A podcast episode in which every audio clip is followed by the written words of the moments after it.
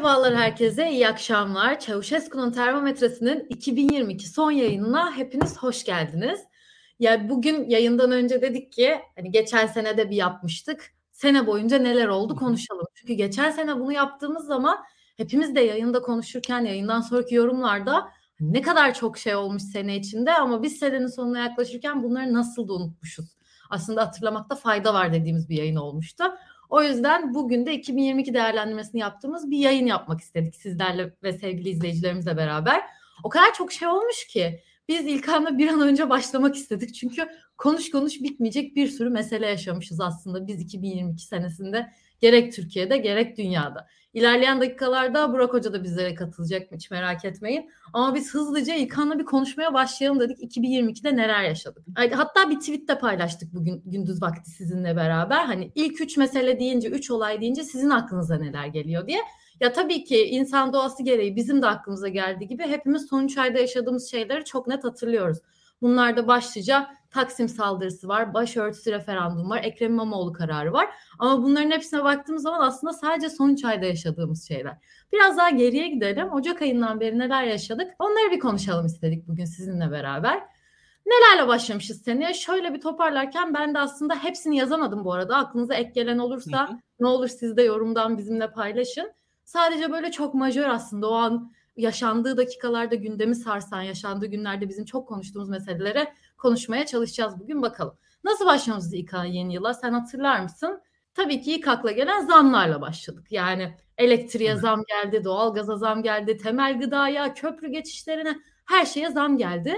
Ve 19 yılın enflasyon rekorunu kıran bir Ocak ayıyla beraber, Aralık ayıyla beraber yıla başlamış olduk. Aslında en çok konuştuğumuz şey de buydu. Bugünlerle de paralel başlayabiliriz aslında. O çok ciddi bir doğalgaz zammı gelmişti. Biz Aralık yayınlarımızda geçen sene senle de Beril'le vardı hatta o yayında hatırlıyorum. Sen yoktun. Yine bir seyahat galiba neticesi sebebiyle yoktun. Tayyip Erdoğan'ın bu kur korumalı mevduat kararı sonucunda dolar kurunu hızla düşürmesinin arkasında herkes ekonominin çok iyileştiğini, bir anda düzeleceğini umuyordu. Doların aslında hızlanıp kesilmesinin ardından enflasyon meselesinin hallolacağını umuyordu insanlar ama e, hayatın gerçekleri öyle çıkmadı ortaya. Ocak ayının başında çok ciddi zamlar geldi. Her şey allak bullak. Hatta yani şöyle söyleyeyim anketlerde de Tayyip Erdoğan Adalet ve Kalkınma Partisi ciddi düşmüştü ama bir an yükseldi. Tekrar arkasına o düşüş geldi. Yani hani hızlı bir şekilde o oy konusunda gelgit de yaşandı bence. Biraz anketleri de ben hatırlıyorum o zamanlardan. Ciddi anlamda enflasyon şöyle söyleyeyim. Türkiye uzun zamandır aslında %15-20 seviyesinde bir enflasyona alışıktı. Bunun ötesindeki artışlar kurla paralel olarak adlandırılıyordu ama artık kurdan bağımsız kendi kendine bir enflasyon olgusuyla karşılaştık. 2022 yılının ekonomik olarak ana vurgusu budur. Yani kur artışından bağımsız bir enflasyon var artık hayatımız içerisinde. Daha öncesinde biz neden bahsediyorduk? Hep konuştuğumuz şeyler işte atıyorum telefon Türkiye'de şu kadar para, Amerika'da şu kadar para, dolar kuru şu kadar, benzin fiyatı bu kadar. Öyle bir kıyaslamalar üzerinden, faturalar üzerinden değerlendiriyorduk. Aslında şu anda bakın dikkat edin insanlara artık Berlin'den yollanan faturalar daha az dikkat çekmeye başladı. Çünkü insanlar kendi iki ay önceki faturalarına bakarak artık bakmaya başladılar fiyatlara.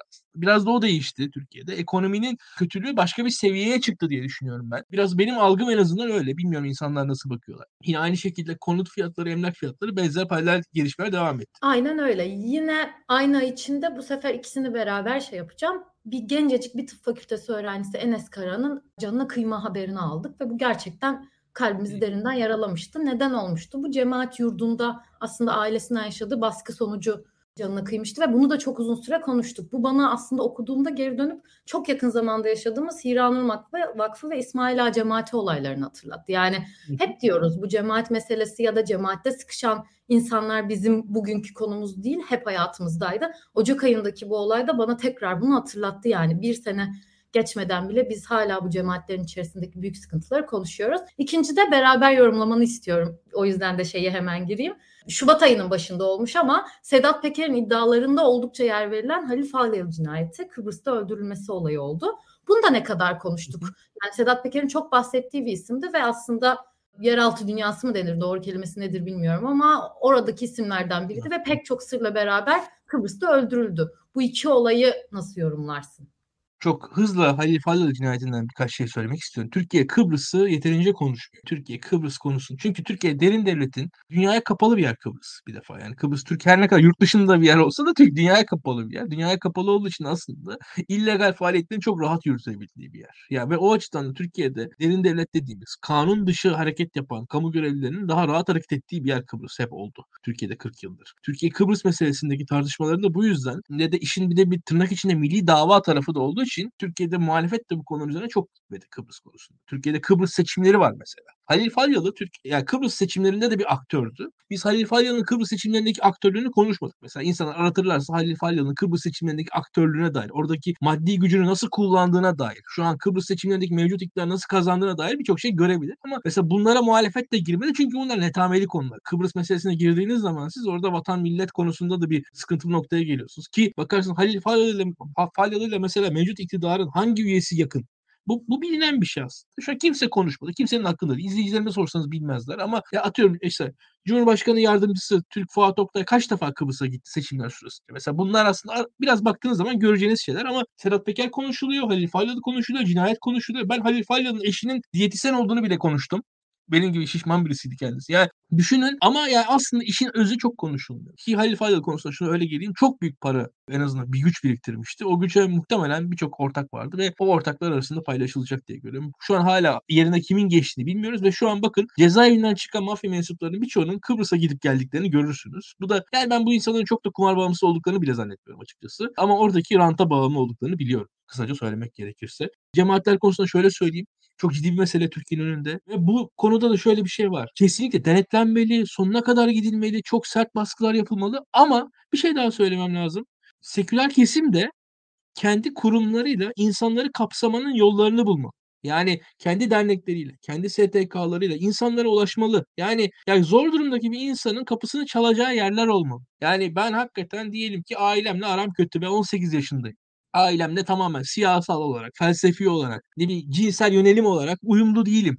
Yani mesela kime gideceğim, nereden çıkacağım, nasıl okuyacağım, onurlu bir hayata nasıl geçiş yapacağım? Bunun bir yolu var mı Türkiye'de? Bunu düşünmek lazım. Bu konuda acaba devletin yapabileceği bir rol var mı? Sivil toplumun yapabileceği bir rol var mı? Bunu görmek lazım. Şöyle söyleyeyim, beni etkileyen bir şey de oldu. İHA'nın faaliyet raporuna baktım ben. 2021 faaliyet raporu, 2022 başında yayınlanmış.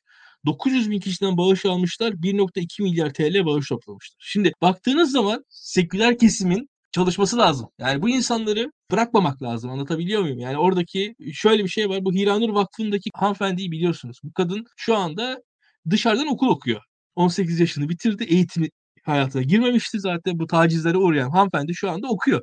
Yani şu anda 20'li yaşlarında gayet işte orta, ilk orta, lise, üniversite okuyor, okuyor okuyacak yani. Şu anda böyle insanlar var Türkiye'de. Mesela ya şu an Türkiye'nin hiç aklımızda mı yani 18 yaşına kadar hiç eğitim görmemiş sonrasında ailesinden kopmuş ve eğitime 18'inde başlayan kadınlar var şu an Türkiye'de. Böyle 100 bin tane falan kadın vardı muhtemelen belki de yani hani ne kadar e, o imkanların olduğunu görseler belki daha da fazla öyle okuyacak kadınlar var. Bu insanlara dair bir çalışma, bir siyasal olarak yani mesela bir siyasi parti ya ben 18 yaşına kadar hiç okuyamamış hafızlık yapmış. Hiç okutulmamış kadınlar var. Bu kadınlardan ne yapacağız biz? Mesela böyle bir dert bile yok şu anda. Biz böyle görebiliyoruz diye düşünüyorum. Bunların da üzerine durmak lazım. Yani oradaki mesele o hanımefendi şu an Türkiye'deki bir soruna Türkiye'nin görmesini sağladı. Gerçek bir kahraman açıkçası. Ama mesela o hanımefendinin hayatında bizim bir katkımız olacak mı? Bilmiyorum. Yani görmek lazım. Bunların yollarını bulmak lazım. Aramak lazım diye düşünüyorum. İlla her şeyi sivil toplum yapamaz. Doğrudur. Devletin rol alması gerekir. Her şeyi işte sivil toplum çözsün. Öyle bir o, o, o hayal dünyasında değilim ben. Dünyada da birçok yerde bağış kültürü dinler kesimde daha yaygındır. O da doğru. Dünyada da biraz böyle oluyor bu işler açıkçası. Yani ama öyle ya da böyle bir şeyler yapılması lazım bu insanlara. Yani gerçekten zor durumdaki insanların arayabilecekleri birileri olması gerekir diye düşünüyorum. Ya kesinlikle zaten bunun büyük bir problem olduğunu pek çok yayında da konuştuk ama çok farklı ve güzel bir noktaya değindim bence. Evet bir problem, evet devletin çözmesi gereken noktalar var. Sosyal devlet anlayışını belki yedirmemiz gereken noktalar var. Ama bizim üstümüze düşen bazı sorumluluklar varsa ya da yapabileceğimiz elimizden gelen kendini seküler muhalif olarak adlandıran kesimin de yapabileceği şeyler varsa buna eğilmemiz gereken bir 2023 daha büyük bir gelecek için çabalamamız gerekiyor aslında. Bu da çok güzel bir katkıydı. Hoş geldiniz Burak Hocam. Merhaba, hoş bulduk ya. Kusura bakmayın ben yayından önce biraz rahatsızlandım. O yüzden geç. geç katıldım aranıza. Çok geçmiş olsun öncelikle. Evet. Yılbaşı süslemenizle gelmişsiniz arkadan onu da görüyorum. Biz de aslında yılı kapatma evet. evet.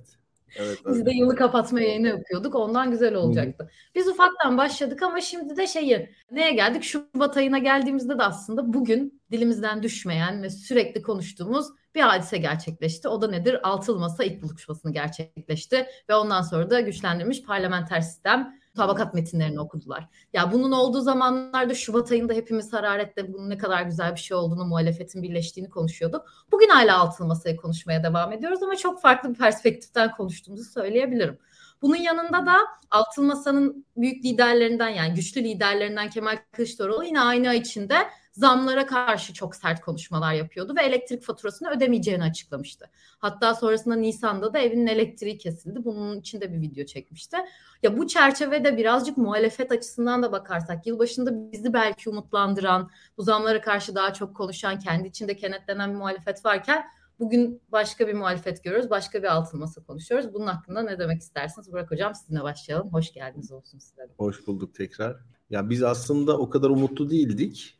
Altılı Masa'nın ilk toplantısından sonra yaptığımız yayınlarda masanın kendini izah etmesi için daha fazla şey yapması gerektiğini söylemiştik. Yani birlik, beraberlik çok önemli. Ya bunu gerçekten anlatmamız lazım. Biz, ben en azından e, muhalefette bir e, ittifaka karşı değilim. Muhalif grupların bir araya gelmesini elzem görüyorum. Bir güç birliği, bir ortak cephe oluşturma ya da bir ortak aday üzerinden seçime gitmenin de çok önemli olduğunu düşünenlerdenim. Ancak altılı masanın bu muhalefeti temsil edecek anlamda siyasi bir işbirliği üretmediği kanaatindeyim. Yani tek işbirliği formülünün altılı masa olduğu e, zannı bence yanlış bir düşünce. Biz bunu ilk toplantıdan sonra yaptığımız yayınlarda da konuşmuştuk. Hani arşivimizde vardır. Çünkü ortada bir garabet var. O zaman da vardı. Şimdi eğer altılı masa bir anayasa uzlaşma komisyonuysa yani Türkiye'yi tekrar parlamenter sisteme geçirmek için partilerin bir araya geldiği bir uzlaşma komisyonuysa eksik. Çünkü anayasa tartışmasını yapmak için sadece altı partiye değil aynı zamanda Halkların Demokratik Partisi'ne, Memleket Partisi'ne, Türkiye İşçi Partisi'ne, belki de Yeniden Refah Partisi'ne, Zafer Partisi'ne ihtiyacınız var. Sivil toplum kuruluşlarına ihtiyacınız var. Akademisyenlere ihtiyacınız var. Dolayısıyla bir anayasa uzlaşısı altı partinin vizyonuna hapsedilemez. Yani bunlar arasında, bu aktörler arasında saydığım en güçlü aktör HDP. Çünkü %10-12 arasında bir oy potansiyeli var. Ve altılı masa olarak eğer amacınız yeni bir anayasa yapmaksa yüzde toplumun yüzde on ikisini dışlamış oluyorsunuz. Yani onların temsilcilerini dışlamış oluyorsunuz. Dolayısıyla sadece bir anayasa yapma, sadece bir norm üzerinden ilerleme düşüncesi orada bir yara alıyor. Öte taraftan HDP'yi işin içine dahil etmemenizi de anlayabilirim. Eğer siz bir siyasi koalisyon oluşturuyorsanız. Bu HDP ile birlikte bir siyasi koalisyon oluşturmayı tercih etmeyen partilerin bir işbirliği olabilir. Bu gayet normal. Yani ben HDP ile siyaseten işbirliği takıntısı içinde olan bir birisi değilim. Yani partiler kendi aralarında prensiplerine göre siyasi ittifaklar kurabilir. Mesela HDP sol ittifak içerisinde ve o e, o bir siyasi ittifak baktığımız zaman. Altılı Masa da bir siyasi ittifak olabilirdi. Fakat bu da olmadı. O zaman da değildi, şu anda da değil. Altılı Masa'nın dört partisi, dört küçük parti Millet İttifakı'nın parçası değil şu anda. Dolayısıyla Altılı Masa'nın doğum anından itibaren yaşadığı bir kimlik krizi var. Siyasi ittifakın parçası olmak ne demek? Siyasi ittifakın parçası olmak seçimi kazanmaya yönelik pragmatik, geçici, seçim günü sonlanacak, seçimden sonrası seçimde ortaya çıkacak sonuçlara bağlı olan ve seçimi kazanmak için izlenecek stratejilerde ortaklaşan partilerin işbirliği demek. Şimdi altılı masa bu da değil. Dolayısıyla bir senedir altılı masanın bir kimlik krizi yaşadığını, kendisini izah edemediğini görüyoruz. Bu yayına bağlandığım sıralarda mesela e, işte bugün e, bizim gündüz çektiğimiz bir yayın Medyaskop'ta saat 8'de gösterime girdi ve çok büyük tepki çekti. Gelecek Partisi Genel Başkan Danışmanı Bilgihan Uçak'la bir yayın yaptık. Bilgehan bugün Gelecek Partisi'nin ne kadar önemli olduğunu ittifak için ve Kemal Kılıçdaroğlu'nun seçimi kazanması aşamasında Gelecek Partisi'nin çok hayati bir rol oynayacağını söyledi ve Kemal Kılıçdaroğlu'nun adaylığı için Gelecek Partisi'nin bir şartı olduğunu, onun da anayasadaki başörtüsü değişikliğine onay vermesi olduğunu söyledi. Bu gerçekten garip bir duruma işaret ediyor. Çünkü şu ana kadar gördüğümüz ittifaklardan çok daha farklı. Şu ana kadar gördüğümüz ittifaklar mesela 2018 Millet İttifakı müstakil partilerin kendi ajandalarını güttüğü, seçimde daha fazla çıkar elde etmek için, daha fazla sandalye kazanmak için bir araya geldikleri ittifaklardı. Ya da 2019 yerel seçim ittifakı. Şimdi burada partilerin birbirlerine daha seçim olmadan ve seçimle alakası olmadan hani birçok şeyin, birçok konunun birbirlerine bir gündem dayatması içerisinde olduğunu ve ortak bir ideolojik zeminde adeta bir füzyon yaratma gayretiyle buluşmaya çalıştıklarını görüyoruz. Şimdi son dönemlerde çok dönen Ali Babacan videosu var yani. İşte biz önceden bütün programı yapıyoruz falan. Şimdi eğer önceden bütün programı yapıyorsanız ayrı partiler olmanızın bir anlamı kalmıyor. Çünkü demokrasi tam olarak seçim sonucuna göre farklı partilerin taviz vermesi, pazarlık yapması, müzakerelerde bulunması ve bunun sonucunda bir koalisyon kurması anlamına geliyor. Şimdi koalisyon önceden kurduğunuz zaman, kurmaya kalktığınız zaman altılı masa gibi bir şey oluyor. Ne seçim ittifakı, ne bir anayasa uzlaşma komisyonu sadece kazanıldığı düşünülen, hali hazırda bit, bittiği düşünülen bir işten sonra, cebe konulan bir seçimden sonra kurulan bir koalisyon gibi bunu önceden, seçimden önce kurmaya çalışıyor ve bir senedir de bocalıyor. Biz çok iyi hatırlıyorum Şubat ayında yaptığımız yayında da bunu açık açık konuştuk. Bunun haricinde tabii bunu kendimiz de biraz izah etmemiz. Biz Deva ve Gelecek partilerine ontolojik olarak yani bu partilerin kimliğinden ötürü, bu partilerdeki kişilerden ötürü, onların AKP geçmişlerinden ötürü karşı olan insanlar değiliz. En azından ben değilim. Ya bildiğim kadarıyla İlkan da değil. Yani biz muhalefete gelen, seçimi muhalefet muhaliflerin kazanması için gayret gösteren, katkı yapan, bir oy bile getirecek herhangi bir partiye gayet müsamahakar, gayet hoşgörülü insanlarız. Yani onları muhalefetin bir parçası olarak kabul ederiz ve yakalarına yapışmayız. Onlara bir alerjimiz yok. Halen daha ben bu partilerin muhalefet açısından çok önemli olduğunu düşünüyorum. Ancak yani dediğim gibi muhalefetin yapısını iyi kurmak lazım. Yani bizi böyle kategorik olarak bu partilere karşı olan insanlarla da karıştırmamaları gerekiyor. Çünkü Türkiye'de öyle bir şey var ki mesela her şey çok kötü olacak deyip hiçbir çözüm önermeyen adam aslında hep haklı. Yani baktığınız zaman bu partilerden hiçbir şey olmaz dediğiniz zaman hep haklı oluyorsunuz yani herhangi bir kriz durumunda. O zaman da bekliyorsunuz yani siyasi sistemin çökmesini bekliyorsunuz ki haklı olasınız. AKP'nin kazanmasını bekliyorsunuz ki haklı olasınız. Biz onlardan da değiliz yani hakikaten devanın kuruluşundan itibaren Gelecek Partisi'nin de öyle. Ben çok başarılı olmalarını istedim ama altılı masa mekanizması maalesef bu partilerin de başarılarını çok düşürdü. Altılı masa kurulduğu zaman mesela o ay bu üç partinin Saadet Gelecek ve Deva Partisi'nin toplamı %6 civarındaydı. Şu anda baktığınız zaman Kasım anketlerine %2'nin altına düşmüş durumda. Konda anketi en azından bunu söylüyor. Çok başarılı bir performans sergilemediler. Masa daha çok dediğim gibi seçimi kazanılmış zannettiği için partilerin siyaset yapma eğilimlerini, enerjilerini e, bir şekilde o arzularını öldürdü ve partileri Ankara'ya kapattı. Mesela seçim senesi ve esnaf gezen siyasetçi yok farkındaysanız. Yani esnaf gezen en son Akşener işte yaz aylarında geziyordu. Sonra Deva Partisi birkaç miting yaptı ve bitti yani. Şu anda bizim mesela benim bundan birkaç sene önce sorsaydınız 2023 seçimlerinden önce çok ciddi anlamda siyasi partilerin halkla temas ettiği, mitingler yaptığı, sokak toplantıları, mahalle toplantıları yaptığı, liderlerin esnaf gezdiği bir tablo gözümün önüne gelirdi. Şu anda bunların hiçbir tanesi yok. Hepsi Ankara'da istişare toplantıları yapıyorlar. Yani Altılı Masa'nın böyle de bir siyaseti öldüren tarafı oldu.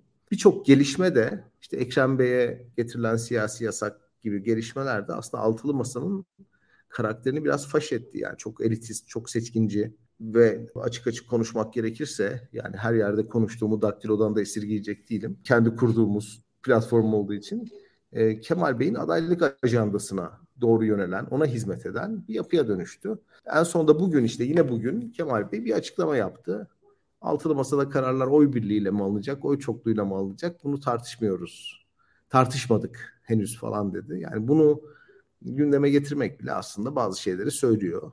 Yani oy çokluğu demek işte dört küçük parti hepsine birer oy verdiğiniz zaman ve bu partiler de meclise girmek için Kemal Bey'in lütfuna ihtiyaç duydukları için onun lütfu dışında bir hareket alanları olmadıkları için siyasi ikballeri açısından muhtemelen Kemal Bey'in adaylığını onaylayacaklar. Oy birliğinin sağlanamayacağını Kemal Bey görmüş yani İyi Parti'nin çekincesinden dolayı. Dolayısıyla İyi Parti çok sağlıklı bir mekanizma olmadı yani geride bıraktığımız bir sene içerisinde. Şubat ayı biraz böyleydi. Tabii Şubat ayının bana sorarsanız altılı masadan daha önemli gelişmesi savaşın başlaması. Yani Rusya-Ukrayna savaşının başlaması. O bence Türkiye'de yani muhalefet altılı masayı kurarken iktidarın da işine yarayan bir gelişme oldu.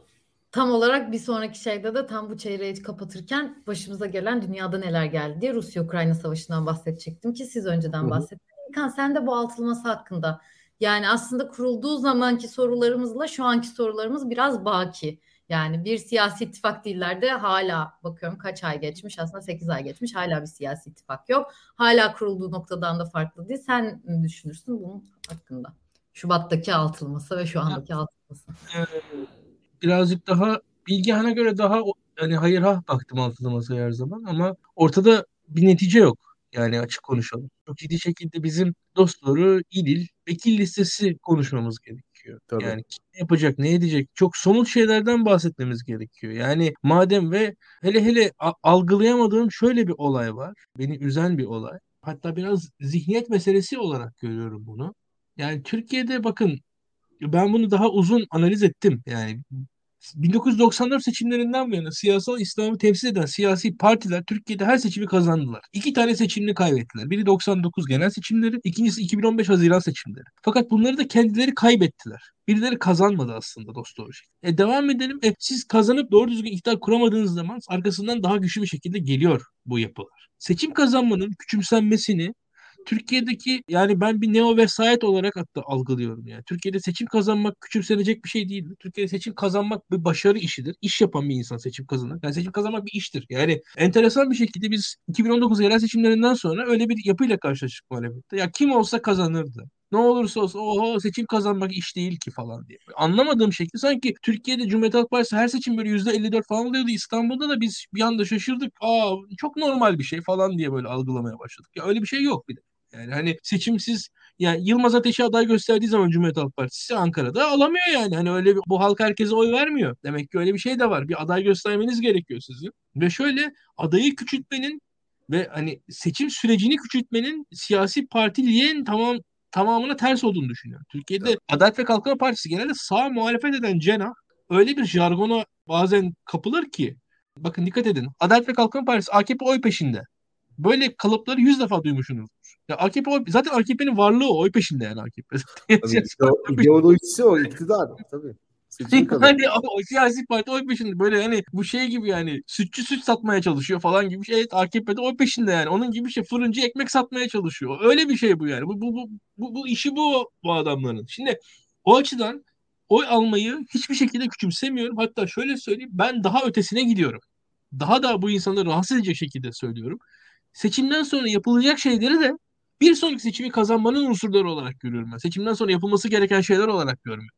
O kadar söyleyeyim. Ben hatta seçimleri dışlayan bir siyasal anlayışın demokrasinin de dışında olduğunu düşünüyorum. Öyle bir hele hele bu böyle altılı yedili masa falan filan kurduğunuz zaman sizin seçimden öte bir iddianız olamaz. Çünkü ideolojik olarak zaten farklı yerlerdesiniz. Öyle seçimi aşkın idealleriniz üzerinden bir yapı kurmanızın imkanı ihtimali yok diye düşünüyorum. Daha ötesine gidiyorum. Yani siz eğer hani seçimi dışlayan bir yapı ne olabilir? Ya diyelim ki Komünist Partisiniz siz seçimi dışlıyorsunuz veyahut da işte çok sert bir şeriatçı anlayışınız var demokrasiyi dışlıyorsunuz. Oy kullanmak bir Ya böyle bir yapı çok aşırı radikal bir yapı ancak diyelim ki oyu bu kadar dışlayabilir e, demokratik sistemlerde. Yani o kadar radikal bir noktada değilseniz siz yani çok saf aşırı saf bir radikal pozisyon değilseniz seçim dışlayamazsınız. Seçim zaten bu işin temeli seçim yani. Hatta söyleyeyim muhalefetin amacı bir bu seçimi kazanmak, iki bir sonraki seçimi kazanmak olmalı. Yani e, çok net biz şu an Türkiye'de Bakın Pırıl yayının başında örnek verdim. İHH'nın bağışçı sayısı 900 bin üzerinde 2021 yılında aldığı bağış 1.2 milyar TL'nin üzerinde. Öyle Adalet ve Kalkınma Partisi seçim kaybetti bitti falan böyle bir şey yok. Herkes aklını başına alsın. Ben anlamıyorum ben. Ya bakın CHP'nin üye sayısı 1.5 milyon. 1.5 milyondan kaç kişiden para toplayabilir CHP? İHH 900 bin insandan para topluyor. Bakın net. Yani herkes çok saçma sapan bir gerçeklik dışında bir yaşıyor. Bir seçim kazanılacak ve her şey yok. Hayır Seçimlerin arka arkası arka kazanılması gerekiyor. Ve bunun içinde ciddi bir yapı kurulması gerekiyor. Ve şunu da söyleyeyim seçim kazanmak ciddi bir iş. Bunu yapmak gerekiyor ve iktidar olunması gerekiyor. İktidar şart. İktidarlık, iktidar duygusu şart. Şu anda bakın muhalefet İstanbul ve Ankara'yı yönetmeye başladıktan sonra bakın İzmir susuz, susuz lafını duymadınız siz 3 yıldır. 3 yıl öncesinde Türk halkının yarısı İzmir'de sular akmıyor diye inanıyordu. Bakın iktidar böyle bir şeydir. İktidar her şeyi değiştirir, dönüştürür. Yani şu an bakın çünkü neden? Ankara ve İstanbul'da beğenin beğenmeyin. Destekleyin desteklemeyin. Eh, elle tutulur bir iktidar var. Yerel, yerelde olsa. Gayet etkili oluyor. Gayet en başarısız haliyle bile etkili oluyor. Ya şöyle bir şey var. insanlar ona göre hizalanıyorlar. İnsanlar hizalanır zaten ve seçimden sonra bir iktidar kurulması gerekiyor. Temel amaç budur. Bir iktidarın kurulması gerekir. Öyle e, bu iktidarı bizim şu aşamada ben bu iktidarın otoriterleşmesinden değil kurulamamasından korkar. Açık konuşayım. Seçim sonrasında muhalefetin sıkıntısı ya bir, biz bir iktidarımız çok mu otoriterleş? Ya henüz böyle bir lüksümüz yok bu iktidar. Gerçekçi o. Türkiye'nin şu an öyle bir noktadayız ki biz. Her şeyi Tayyip Erdoğan üzerinden değerlendiriyoruz. Ya Tayyip Erdoğan özellikleri şu anki muhalefetin sorunları olmayacak ya. Bunlar geçmişe sorunları olacak. Ya yarınki iktidarın muhalefete dair sorunları olur ama bunlar da böyle ya otoriterleşme falan ya muhalefetin otoriterleşme sorunu yaşaması için önümüzde daha yani 30 yıl var. Biraz gerçekçi olur. Nereye? 28 yapıdan oluşan bir muhalefet bir yandan HDP desteğiyle mecliste ittir kaktır iktidar kuracak da siz onu otorite... Nereye? imkanı yok, ihtimali yok. Bunu niye konuşuyoruz, niye tartışıyoruz onu anlamıyorum ben. Hani bu niye gündem yani? iktidarın kurulması gündem olması gerekiyor. Yani mecliste ya şu anda şöyle bir şey var. Altı parti gerçekten bir araya gelmeli, oturmalı, konuşmalı. Ya biz mecliste nasıl yasa geçireceğiz? Bütçeyi nasıl Tabii. geçireceğiz? Bunu tartışmalılar. Yani Tabii. yarın potansiyel cumhurbaşkanı nasıl otoriterleşir onu engelleriz tartışmaktan önce bence. Yani Konuş, evet. Önümüzde, derdimizin olması gerekiyor. Önümüzde ya şu anda bakın Ankara ve İstanbul Belediye Meclislerinde çoğunluk yok. Nasıl sıkıntı çekiyor? Ve Adalet ve Kalkınma Partisi orada nasıl muhalefet yapıyor görsünler. Benzer şeylerle karşılaşabilir seçilecek iktidar. Ya ben mesela çok basit örnekte bunlar konuşulmuyor. Şu dediğim şey çok basit bir şey değil mi mesela bakın. Adalet ve Kalkınma Partisi'ni muhalefette görüyoruz Ankara'da. Adalet ve Kalkınma Partisi'ni muhalefette görüyoruz İstanbul'da. Yarın Türkiye'de de TBMM'de de muhalefette bundan daha yapıcı olmayacaklar. ya bunlar yok hiç kimse aklında. Hiç kimse bunları sormuyor bile. Şu anda mesela söylüyorum. Hiç kimsenin söylemediği bir cümle. Ama hiç kimsenin umurunda değil bunlar. Anlamıyorum. Ben otoriterleşir mi potansiyel Cumhurbaşkanı tartışıyoruz. Absürt. Evet önümüzde kazanılması gereken bir seçim. Seçimden sonra kurulması gereken bir sistem var ve bunları konuşmamız gereken bir şeyde yaşıyoruz. Derken ilk çeyreği hadi biraz kapatalım. Daha ilk çeyreğe gelemedik. Yarım saat oldu. Türkiye öyle bir ülke işte. konuş konuş bitmiyor gerçekten. İlk çeyreği kapatırken biraz önce Burak Hoca da değindi. Hani zamlarla ve muhalefette başladığımız ilk çeyreği birazcık dış politikayla kapadık. Çünkü Şubat ayında Rusya ve Ukrayna savaşı başladı. Bu sadece Türkiye değil dünyayı çok fazla etkileyen bir olaydı. Ondan sonra 9 Mart'ta İsrail Cumhurbaşkanı 14 yıl aradan sonra Türkiye Ankara'ya geldi ve Ankara'da görüşmelerde bulundu. Bu da aslında dış politika adını ve Türkiye'nin dış politikası adını önemli adımlardan biriydi. Ondan sonra da Mart sonunda da Rusya-Ukrayna barış görüşmeleri Dolma Bahçe'de başladı. Türkiye'nin yine önemli bir aktör oldu. Masaya oturttu. Aslında dış politikaya odaklı bir üçüncü çeyrekle kapattık. Ya burada aslında birazcık da belki iktidar dönmeliyiz dediğimiz noktada Bunlar bize birer sinyaller miydi? Bunları nasıl okumak gerekiyor? Bunlar mesela yaşadıklarımız iktidara yaradı mı? Dış politika hamleleri, ekonomik olarak gerek politik olarak. Burak Hocam bir şey demek ister misiniz? Ya evet tabii ki yarıyor. Türkiye Ukrayna'yı mı yoksa Rusya'yı mı tutuyor savaşta diye sorarsanız ben Türkiye savaşı tutuyor derim. Yani Türkiye ila nihai bir çatışma olmasını, çatışmanın ila nihaya sürmesini, hiçbir tarafın kazanmamasını ve çatışmanın yarattığı belirsizlik ortamından dolayı bir şekilde önemli bir aktör olmayı istiyor. Dolayısıyla savaşın nereye evrileceğinden bağımsız olarak savaşın yarattığı o kaotik, o öngörülemez ortamda Türkiye bir rol buldu, bir rol oynadı. E, burada bir tabii tercih yapmak zorunda. Şimdi Rusya'nın Ukrayna'yı işgal ederken ortaya koyduğu söylem aşırı derecede revizyonist ve etrafındaki ülkelerin toprak bütünlüğünü tehdit eden bir söylem. Yani Türkiye'nin aslında bundan son derece tedirgin olması gerekiyor. Türkiye'nin milli güvenliğini sağlayabilmek için Ukrayna'nın tam olarak arkasında durmak durması gerekiyordu yani. Çünkü Rusya ülkelerin ulusal egemenlik sahasını kendi güvenliğine göre yorumlayacağını beyan etti. Yani bu şu demek, bir ülke eğer egemen bir ülke ise ve o egemenlik sahası içerisinde Rusya kendisine tehdit algılıyorsa bu egemenliği kendisine göre yok sayma, reddetme hakkını kendisinde gördü. Bu işgalcilik, işte ne bileyim uluslararası ilişkilerde başka ülkenin egemenlik sahasını ihlal etmek gibi e, mevcut uluslararası düzene uymayan bir tavır. Dolayısıyla Türkiye bundan tehdit algılayabilirdi ama Türkiye tehdit algılayıp Ukrayna'nın yanında durmak yerine mevcut krizi bir fırsat olarak gördü. Çünkü e, Batı dünyası Rusya'ya çok sert bir yaptırım uyguladı. Aslında bu sert yaptırımı Rusya'da dahil kimse beklemiyordu bana sorarsanız. Yani bu işin biraz alttan alınacağını, işte yüzeysel birkaç göstermelik protestoyla ya da ambargo ile geçiştirileceğini düşünüyordu. Putin'in kendisi de. Bence Tayyip Bey için de biraz sürpriz oldu ama çok sert bir tepki geldi. Bu sert tepki de Rusya'yı çok ciddi anlamda yıpratıyor. Yani Türkiye'de bunlar pek konuşulmuyor. Çok etkili bir Rus lobisi var medyada ve akademide ve siyasette de. Ama çok ciddi anlamda Rusya yıpranıyor. Ve hepsinden önemlisi yani birkaç gün içerisinde e, işgal etmeyi planladığı Ukrayna'da çok ciddi anlamda hasar aldı. Kiev'i işgal edemedi, işgal ettiği toprakları kaybetti ve e, şu anda pek ilerleme şansına sahip değil. Çok ciddi bir direniş oldu ve hani tabirimi hoş görün tekme tokat şu anda Rusya Ukrayna'da dövülüyor. Yani bu zorbalık cezalandırılıyor. Ama Türkiye tabii burada böyle bir tutum almadı yani. Kendi bir ulusal güvenliğini öncüllemedi. Bunun yerine Rusya'nın yaşadığı sıkıntıları kendisine nasıl ekonomik çıkar olarak kullanabileceğini düşündü. E, Rusya'dan kaçan insanların Türkiye'ye gelmesi, oligarkların paralarının Türkiye'ye transfer edilmesi, e, işte Rusya'nın uluslararası sistemle konuşabilmek için Türkiye'ye duyduğu ihtiyaç ve burada oynanan hayati rol.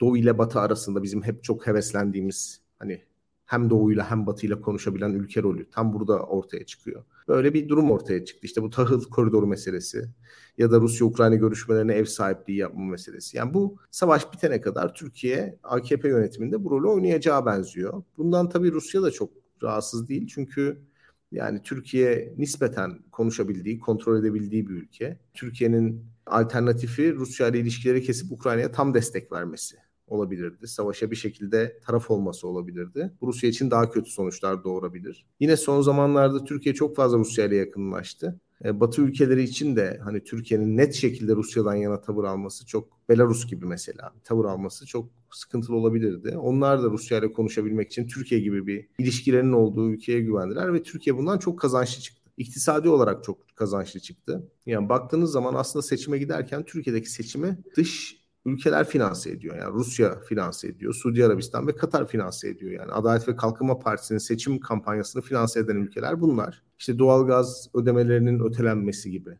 ya da Merkez Bankası'na para yatırılması gibi ya da Akkuyu üzerinden Türkiye'ye para transferi gibi ya da işte Katar'ın e, önümüzdeki hafta Türkiye'ye göndereceği 2 milyar dolar gibi. Yani bunlar hep seçimin finansmanına yönelik şeyler ve bu savaştan dolayı Rusya da buna eklenmiş oldu açıkçası bu, bu, bu işin yani bölgedeki gerginliklerin, gerilimlerin bir anlamda Türkiye nimetlerinden faydalanıyor. O yüzden Türkiye hani sürdürebildiği kadar çok işin içinden çıkamaz hale gelene kadar bir gerginliğin olmasını ve bu gerginlik içerisinde bir rol oynamayı tercih ediyor. Çünkü ekonomik olarak bu Türkiye'de bir, bir şekilde fayda sağlıyor. Mesela Libya'daki o iç çatışma döneminde Türkiye'nin savunma sanayisi buradan kar elde etti. Onu söylemek lazım. Libya iç savaşı Türkiye'deki askeri endüstriyel kompleks için önemli bir e, pazardı. Bunu söylemek lazım. Suriye meselesi yine aynı şekilde. O yüzden Türkiye'de bazı kesimler bu işlerden kar ediyorlar. Ee, Ukrayna Savaşı da böyle.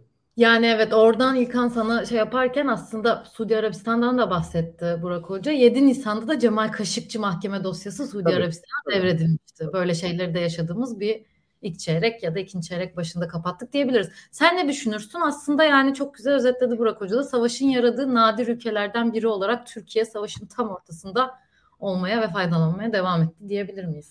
Tabii ki diyebiliriz. E, basitçe söyleyelim. Tayyip Erdoğan ekonomiyi batırmış, insanlarını hapislerde çürüten, aydınlarını e, açıkçası kısıtlamış, e, medyasına çok ciddi baskı yapan başarısız bir lider olarak dünyada yer etmişti. Ama Türkiye etrafında herhangi bir yerde savaş olduğu zaman sonuçta savaş yok. Yani baktığınız zaman henüz bir yerleri bombalamayan bir lider. En azından şehirleri falan bombalamıyor diye. Yani hani Tayyip Erdoğan açısından dünya standartındaki yerini yükselten bir hadise oluyor. Dünyanın Türkiye'nin herhangi bir yerinde etrafında savaş çıkması ve Türkiye daha normal, daha iyi, daha düzgün bir ülke oluyor. Baktığınız zaman da e, öyle. Yani insan, sınırlarımızdan Ruslar geliyor yani. Şu an Ruslar Rusya'dan kaçıp Türkiye'ye, Ukrayna'dan Ukrayna'dan kaçıp Türkiye'ye gelmek durumunda kaldı. Yani sonuçta Türkiye sağındaki solundaki haritada baktığınız zaman üstündeki aşağısındaki sağındaki ülkelerden daha iyi durumda. En azından henüz solundaki batıdaki ülkelerden kötü durumdayız ama baktığınız zaman da e, haritadaki üç tarafımızdaki ülkelerden de iyi durumdayız. E, bunun da yarattığı hükümete bir alan var. Yani bu üç tarafımızdaki ülkelerle yaptığı iliş, ilişkilerde de e, maddi olarak Türkiye hep söylüyorum 780 bin kilometre kare 85 milyon nüfus bu ülkenin başındaki insan önemlidir. Yani hani bu ülkenin başındaki insan kim olursa olsun önemli. Doğu Perinçek de olsa önemlidir. Tayyip Erdoğan da olsa önemlidir. Bu önemi Tayyip Erdoğan kullanıyor. Kullanacaktır diye düşünüyorum. Savaş konusunda şöyle söyleyeyim. Uzun vadede Rusya beklemediği bir e, darbe aldığına katılıyorum. Kısa vadede Erdoğan'ın politikasının ben Erdoğan için doğru olduğunu düşünüyorum açıkçası. Yani orada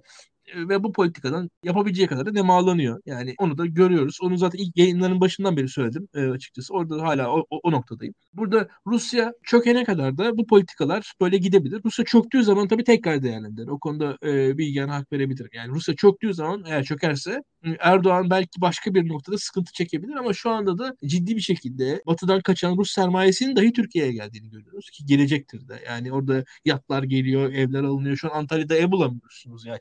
İstanbul, Ankara'da oldu. İzmir'e geldi insanlar artık Ruslar. İç hatlarda Ruslarla karşılaşıyoruz. Ya Türkiye'deki turist demografisi e, değişti yani baktığınızda. Türkiye'deki yabancı insan mesela biz bir sene önce Türkiye'de yabancı dediğiniz zaman esmer işte sana bana benzeyen insanlar vardı. Şimdi daha bir sarışınlar falan görmeye başladık biz Türkiye'de yabancı olarak gördüğümüz insanlar. Yani hani e, resmen bu savaşın sonucunda değişti diye düşünüyorum ben. Yani birçok benim Airbnb yapan arkadaşlarım var falan. Konuşuyorum kimler var kimler yok. Onlar hepsi anlattığı şeyler bunlar böyle o lüks sitelerde bir artı bir kiraya veriyorlar falan. Tamamen değişti e, demografi. Ve bundan e, ekonomi ciddi şekilde e, faydalanıyor. Çünkü döviz getiriyor bunların hepsi. Yani yani şöyle söyleyeyim. Bir Rus'a kiraya verilen ev aslında turist turizm faaliyetine denk bir şey aslında teknik olarak. Çünkü dolar geliyor ve o bozuluyor. Onunla beraber kira ödeniyor. Yani ve bu da ekonomiyi bir yerde tutuyor gerçekten de. Bunları hepsini kullanıyor hükümetimiz. Bu sürdürülebilir bir şey değil ama yani hükümet açısından bence bir şans anı oldu. Tabii insanlık dışı bir şey yani savaş tabii biz savaşa. Ee, şöyle söyleyelim rakamlara baktım.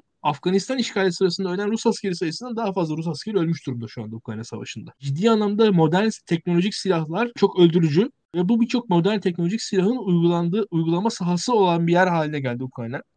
Yani dünyanın birçok yerinde savaşlar oluyordu ama genelde şöyleydi. İki taraf arasında çok büyük bir asimetri oluyordu savaş sırasında. Veyahut da o kadar da teknolojik silahlar kullanılmıyordu. Veyahut da işte sivil halka karşı kullanılıyor. Ama şu an sanırım İkinci Dünya Savaşı'ndan sonra ilk defa askeri hedeflere karşı yüksek teknolojik silahlar bu kadar yoğun şekilde kullanıldığını gördük. Gerçek anlamda gerçekten can pazarı var orada. Yani henüz rakamlar ve işin mertebesinin çok farkında değiliz. Birazcık daha ben bazen içine yakın bakıyorum dünya askeri olarak başka bir yer olacak bu savaşın sonunda. Ki şöyle söyleyeyim yani Orta Doğu'da da yani Türk askerinin de Rus askerine bakışını falan değiştirecektir bu Suriye'de bir, bir vadede diye düşünüyorum. Onu da bir not olarak ekleyeyim. Yani bu savaş umarım çabuk biter ama Rusya'da iktidar değişikliği olmadığını biteceğini öngörmüyorum kendi adıma. Yani evet senin de dediğin gibi ya bir şeyden de chatten de gelmiş. İstanbul'un demografisi de o anlamda birazcık değişti. Avrupa yakasını daha çok Arap turistlere ve Arap şeylere, Arabistan'dan gelenlere ait görürken Anadolu yakasında da inanılmaz bir Rus ve Ukraynalı sayısı arttı. Yani Kadıköy'de mesela barlar artık Rusça tabelalar yapmaya başladılar. O önündeki menüde ya da avantajlı biralar 10 TL'de Rus alfabesi ve Rusça yazmaya başladılar.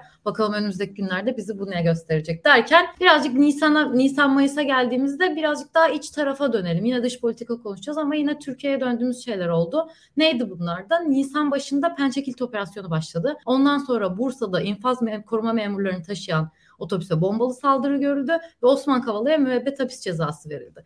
Burada da birazcık daha tekrar hani bu beka söylemleri terör yükseliyor mu gibi endişeler yaşadığımız günlerde ama bunu da çabuk atlattığımızı söyleyebilirim. Bunun hakkında bir şey söylemek ister misiniz? Çok kısa. Daha çok fazla şey var. Daha çok konuşacağımız konu var çünkü. Çok kısa alabilirim. Ben çekilit operasyonuyla ilgili bir şey söyleyeyim. O çok ilginç bir şekilde iç siyasette malzeme yapılmadı. Yani geçen e, Milli Savunma Bakanlığı'nın web sayfasına girdim, saydım. Yani bir iki hafta önce 67 şehit verdik. Yani çok başarılı giden bir operasyon değil açıkçası. Hani bunu ben söylemiyorum. E, emekli olduktan sonra çeşitli siyasi partilerde görev alan ve hakikaten yani milliyetçi görüşleriyle bilinen askerler söylüyor. Yani ortada çok büyük bir başarı yok. Dolayısıyla iç politikada pazarlanabilecek bir şey de yok. Yani hep Afrin benzeri bir işin peşinden koşuyor hükümet ve hükümetin destekçileri. Fakat o Afrin'de hani bir yeri, bir yerleşim bölgesini tabiri caizse Türk bayrağı dikmek, oranın merkezine başka bir şey. Yani Türkiye'nin e, ter- terörist gruplarla mücadele etmesi başka bir şey. Yani hani biz 1986'dan beri 86-87'den beri sınır ötesi operasyon yapıyoruz. Yani dolayısıyla yeni bir şey değil ve çok da başarılı gitmiyor yani 67 şehit çok ciddi bir rakam. Onu söylemek lazım. Ee, Kavala meselesi ve gezi sanıkları meselesi hakikaten yani çok ilginç. Çok şeytanlaştırılmış figürler bunlar. Yani Kavala, Demirtaş. Aslında 5 sene önce çok normal şahsiyetler olarak hayatımızda olan. Yani baktığınız zaman hani televizyonda izlediğimiz takım elbise giyinip diğer siyasi parti liderleriyle görüşen insanlar bunlar. Ama aşama aşama AKP hükümeti çok ilginç bir şey yapıyor. Türkiye Cumhuriyeti kanunlarının dışında bir de paralel bir meşruluk anlayışı var. Yani yani Türkiye Cumhuriyeti kanunlarına göre bir insan masum olabilir fakat AKP'nin o yarattığı meşruluk kriterinin dışındaysa masum olsa bile dışarı çıkamıyor. Yani Osman Kavala maalesef, Selahattin Demirtaş da biraz böyle. Yani o meşruluk kriterinin dışında. Yani Adalet ve Kalkınma Partisi'ne kastetmiş insanlar oldukları için, öyle görüldükleri için bir şekilde cezalandırılıyorlar. Yani bu insanların suçu Türkiye Cumhuriyeti kanunlarında yok. Yok. Yani baktığınız zaman bu insanların başka bir suçu var. Bu insanların Adalet ve Kalkınma Partisi'ne karşı olmak, onu tehdit etmek, onun ikbalini e, zedelemek gibi bir suçları var. Yani bu aslında bu tip hamleler ciddi anlamda muhaliflere aslında bir gözdağı oluşturuyor. Mesela Selahattin Demirtaş'ın şu anda içeride bulunduğu suç aslında Demirtaş hakkında dava açılmadan bir sene önce işlenmiş. Yani aradan neler geçmiş neler. Hükümet yetkilileri görüşmüş, Sabah gazetesi Demirtaş'la ilgili övücü haberler yapmış. Yani 7 Haziran seçimleri olmasa Demirtaş hakkında böyle bir şey olmayacak mesela. Ya Demirtaş'ın başka bir suçu var. Kavala'nın da başka bir suçu var yani. Anlatabiliyor muyum? Yani Gezi'nin kendisi hükümetin gözünde çok kriminal bir hadise olduğu için Kavala ondan sorumlu tutuluyor. Onu, o, o kendi Kavala'nın şahsında tecessüm etmiş. Öyle söyleyeyim yani. Onu cezalandırıyor. Ve bunu yaparken de muhaliflere gözdağı veriyor tabii ki. Bunun benim açımdan açıklaması budur.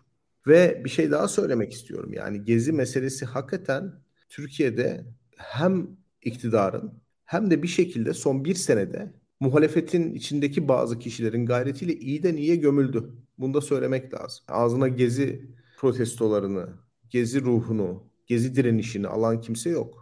Tamam biz altılı masa ittifakını kurduk. Bir dönem AKP'deyken daha sonra muhalif olan insanları buraya aldık ama Türkiye'de özgürlük ve demokrasi mücadelesi Gelecek Partisi'nin kuruluşuyla başlamadı. Deva Partisi'nin kuruluşuyla da başlamadı. Yani Türkiye muhalefetinin bir tarihi var. Bu şanlı bir tarih. iyi bir direniş tarihi. Ve Gezi bunun çok önemli bir parçası.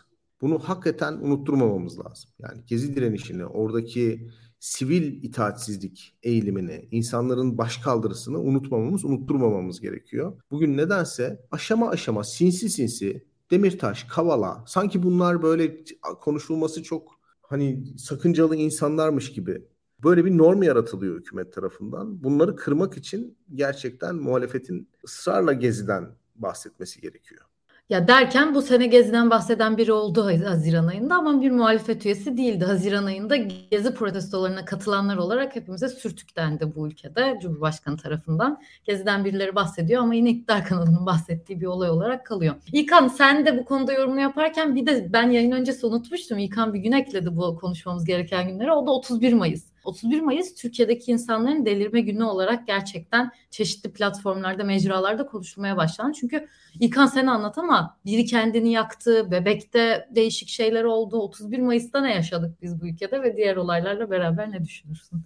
hızla bilgi analitiklerine birkaç katkıda ben yapayım önce. Selahattin Demirtaş tam bu bahsedilen hadiselerden sonra ciddi şekilde mesela A Haber konuydu. FETÖ ile mücadele bağlamında cidden Fethullahçılara dair işte Güneydoğu Anadolu'da yaptıkları faaliyetlere dair açıklamalar yapar ve baş köşede oturur ve Fethullahçıların nasıl açıkçası tehlikeli bir yapı olduğunu, nasıl hukuksuzluklar yaptıklarını A Haber'de anlatırdı. Bu böyle şeyde değil yani 6-7 Ekim hadiselerinden sonrasından bahsediyorum yani gayet tabii, de. Hani tabii, tabii. ve bu oldu Türkiye'de yani biz bunu unuttuk hatta yani Demirtaş'ın popülerleşmesi konusunda herkes Aydın Doğan'ı ve CNN Türk yayınlarını o saz çalmayı falan ortaya koyar aslında değildir. Yani onun daha öncesinde bir Demirtaş'ın A Haber'de de ana akıma doğru girdiği bir zaman var aslında hatta. Çünkü şöyle bir şey var Demirtaş çizgisi Fethullahçılarla olan meselede tam anlamıyla Fethullahçıların karşısında kaldığı için iktidarla yakınlaşmıştı. Aslında. Orada da ve o yüzden de e, o da kendisine öyle bir ana akımlı meşruiyet alanı sağlamıştı. Hatta o meşruiyet alanının genişletti, genişlettiği popülerliği e, sonrasında o e, bir sonraki seçimde 2015 Haziran seçimlerinde açıkçası ciro etti Demirtaş da diyebiliriz hatta. Türkiye tabii tarihte çok dalgalanmalar yaşıyoruz. Sürekli yoğun propaganda yaşıyoruz ve hafızasızız. Bunu hatırlatmak gerekir diye düşünüyorum. Ya bugün iktidar aa bilmem ne ya, alakası yok yani daha dün hani da, daha dün biliyoruz gözümüzün önünde oldu ve yani çok enteresan bir şey ki bunun sonunda da şöyle bir şey var. Ya mesela şu anda da mesela Fethullahçı ekipten de yurt dışına kaçmışlar var. Şu, onlar da şu an çok özgürlükçü oldular. Değil yani aslında tam tersine. onlar hiç e, o konularda özgürlükçü bir tarafları yoktur yani. Hani o Kürt meselesi bağlamında falan sevmezler de pek. Yani o bu ve biz şu anda da tam tersine iki tarafa da e, hem Fethullahçılara şu an hem de işte HDP'ye vurmak isteyen yapıda şu an ikisine beraber vuruyor ama alakası var mı? Yok aslında hiç alakası yok. Bakarsanız iki tarafta mesela şu anda yurt dışından muhalefet yapıyor birçok açıdan Türkiye'ye. Hiç de yan yana gelmiyorlar.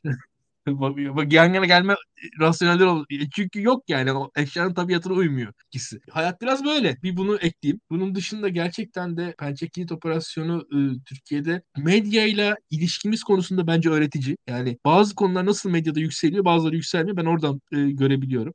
Çünkü şöyle söyleyeyim ben biraz da işim gereği artık siyasetçi takip ediyorum ve Pençekit operasyonu dair meseleleri ben Mansur Yavaş'tan öğreniyordum uzun süre. Yani oradaki şehit haberlerini Mansur Yavaş e, söylüyordu. Onun sonra yani başka bir yerden haber olmuyordu çünkü. Yani gördüğüm yer orasıydı çünkü benim açımdan. Mansur Yavaş sağ olsun yani şehitlerimizi anıyordu. Onun sayesinde haberdar oluyordum. Yoksa haberdar olmayacağım. Yani Twitter olmasa ben de açıkçası öyle bir operasyonun varlığından haberdar olmayacağım. Böyle çünkü siyasetçinin de bir yandan vazifesi sonuçta. Ülke için şehit olmuş insan anacak siyasetçi. Onu şey yapamaz. Hani yapması gerekir.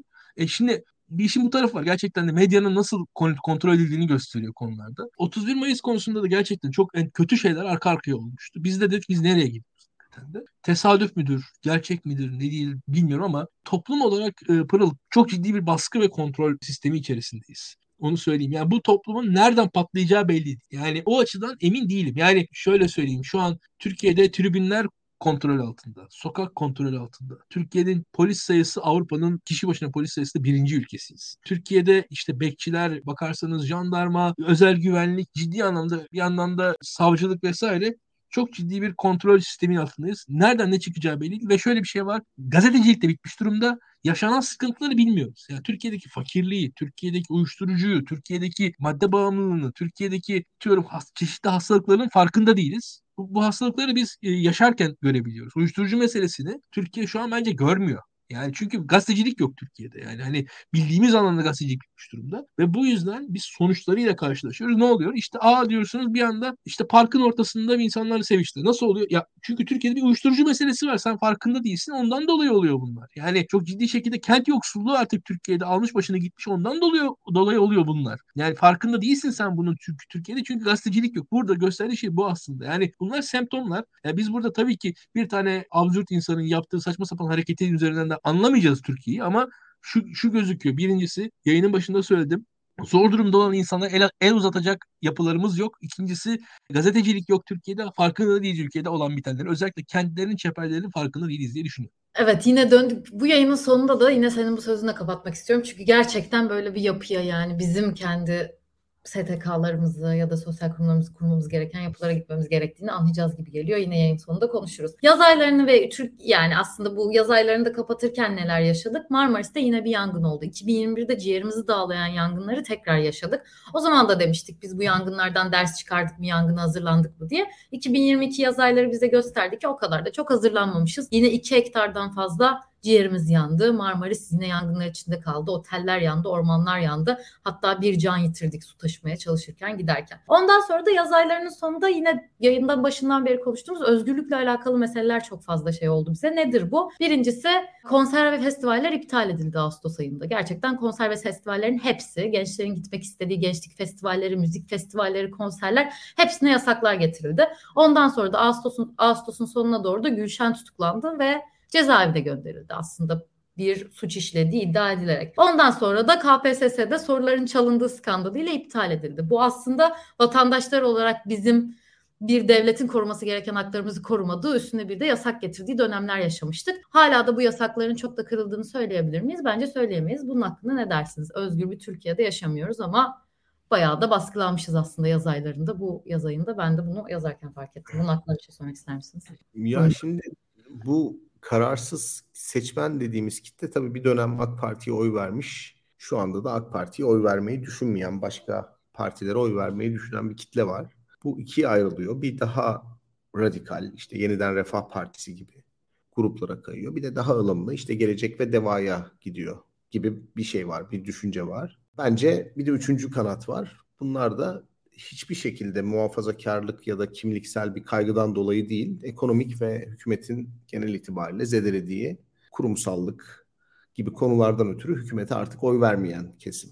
Şimdi bu büyük en büyük kesim üçüncü kesim. Ve bu üçüncü kesim işte hükümete inancını kaybettikten sonra muhalefete gelir. Sanılanın aksine deva ve geleceğe de gelmez. Yani ya CHP'ye gelir ya İyi Parti'ye gelir. Benim kanaatim bu. Ama o küçük yani bir kısmı gelecek ve devaya bir kısmı yeniden refaha giden gitmesi muhtemel yüzde üçlük beşlik o muhafazakar kesim Türkiye'deki sosyal hayatı mahvediyor bana sorarsanız.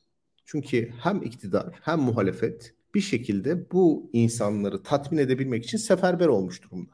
Ya maalesef yani İstanbul Sözleşmesi'nden çekilmeye bakın. İşte son zamanlardaki bu tarikat tartışmalarındaki dile bakın. İşte başörtüsü meselesinin anayasa değişikliği meselesine bakın. İşte ne bileyim yani bu bu tip olaylarda kişilerin uğradıkları ne derler haksızlıklara, hukuksuzluklara bakın. Yani burada aman bu yüzde üçlük beşlik kesime bir şekilde rahatsız etmeyelim gibi iktidarda da muhalefette de bir eğilim var. İktidar özellikle o daha radikal yeniden Refah Partisi'nde kümelenmiş diyelim ya da Saadet Partisi'nden bir şekilde kayan diyelim. Seçmeni tatmin etmek için bu konser yasaklama, işte ne bileyim hadiseyi cezalandırma, bu tip popüler konularda hiçbir fırsatı kaçırmıyor. Kaçırmaz. Dolayısıyla biz biraz onu yaşıyoruz. Yani biraz bunu yaşıyoruz yani. Bir, bu bir seçim meselesi. Bu bir seçim meselesi. Muhalefet de yine buna çok sert tepki vermiyor. Yani baktığınız zaman hani bir önceki sene biz bir vals polemiği yaşamıştık. İşte Deva Partililer azgın azınlık falan demişti Cumhuriyet. Balosunda vals yapanlara falan. Yani bu yani tatmin edilebilecek bir şey değil. Yani o muhafazakarların kendilerini mutlu hissetme, rahat hissetme ve bir şekilde saldırılmamış hissetme durumu çok tatmin edilebilecek bir şey değil. Burada ben ilkesel duruma taraftarıyım.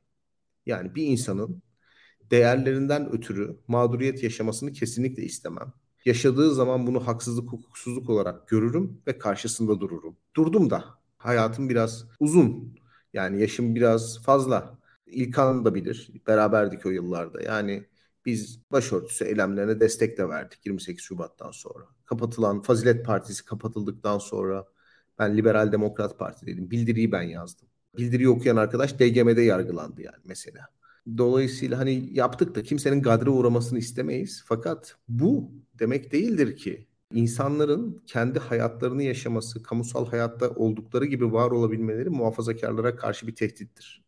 Yani onlara devletten gelen, siyasal otoriteden gelen herhangi bir tehdide karşı dururuz. Fakat bundan daha ciddi bir sorun muhafazakarların kendi kendilerine bir evham içerisine girmesi ve sosyal gelişmelerden dolayı bir anlamda kuşatılmış hissetmeleri. Buna kimse kusura bakmasın. Yani taviz veremeyiz. Anlatabiliyor muyum? Bu taviz verildikten sonra arkası gelmeyecek bir şey çünkü. Çünkü objektif bir kriteri yok. Mesela hukuksuzluk dediğiniz işin bir kriteri var.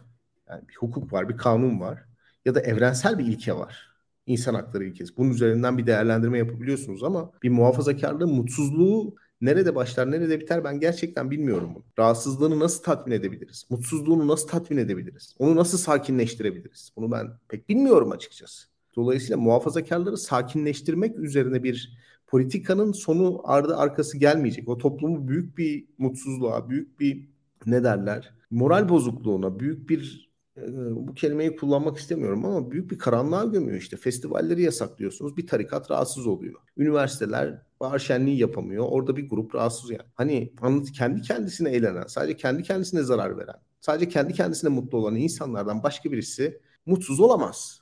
Bu kadar. Çok kalabalık olsa da mutsuz olamaz. Valinin kapısına 100 bin dilekçeyle gitse de mutsuz olamaz. Bu çünkü anlamsızdır yani. Senin bu adamın mutlu olması senin mutsuz olman arasında bir ilişki yoktur. Yani baktığınız zaman. Eğer bu adam içkiyi içip şişesini senin evine fırlatmıyorsa. Ki o da adamın içkisinden bağımsız bir şeydir. Şişeyle alakalı bir şeydir. Anlatabiliyor muyum? Ama işte bu seçim dönemleri yani bu mutsuz muhafazakarlar falan meselesi, kararsız muhafazakarlar meselesi bu işi epey zehirliyor. Muhalefet de eskiden bu konulara çok daha sert tepki verirdi. Artık veremiyor yani baktığınız zaman. Ortadaki gri kesimi kazanmak için iki tarafın yaptığı yerde özgürlüklerimizin kısıtlandığı bir ülkede yaşıyoruz yani. Kan sen bunun hakkında kısacık bir şeyler söylemek istersen alalım. Bilgehan'a yüzde yüz katılıyorum.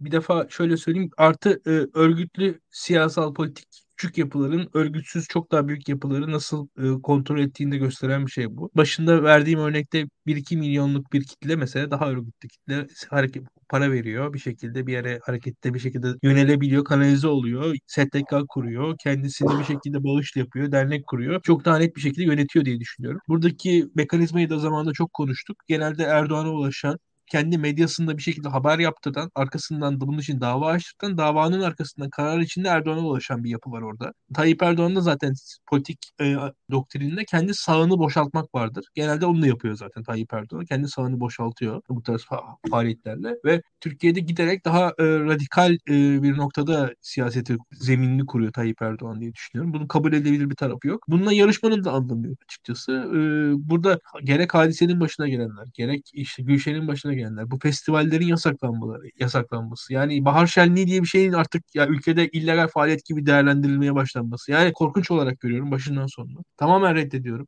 Gerçekten insanların eğlenmeye ihtiyacı var, eğlenme kültürüne ihtiyacı var. Bu kültürün yaşaması gerekiyor. Bu kültüre sahip çıkmak lazım.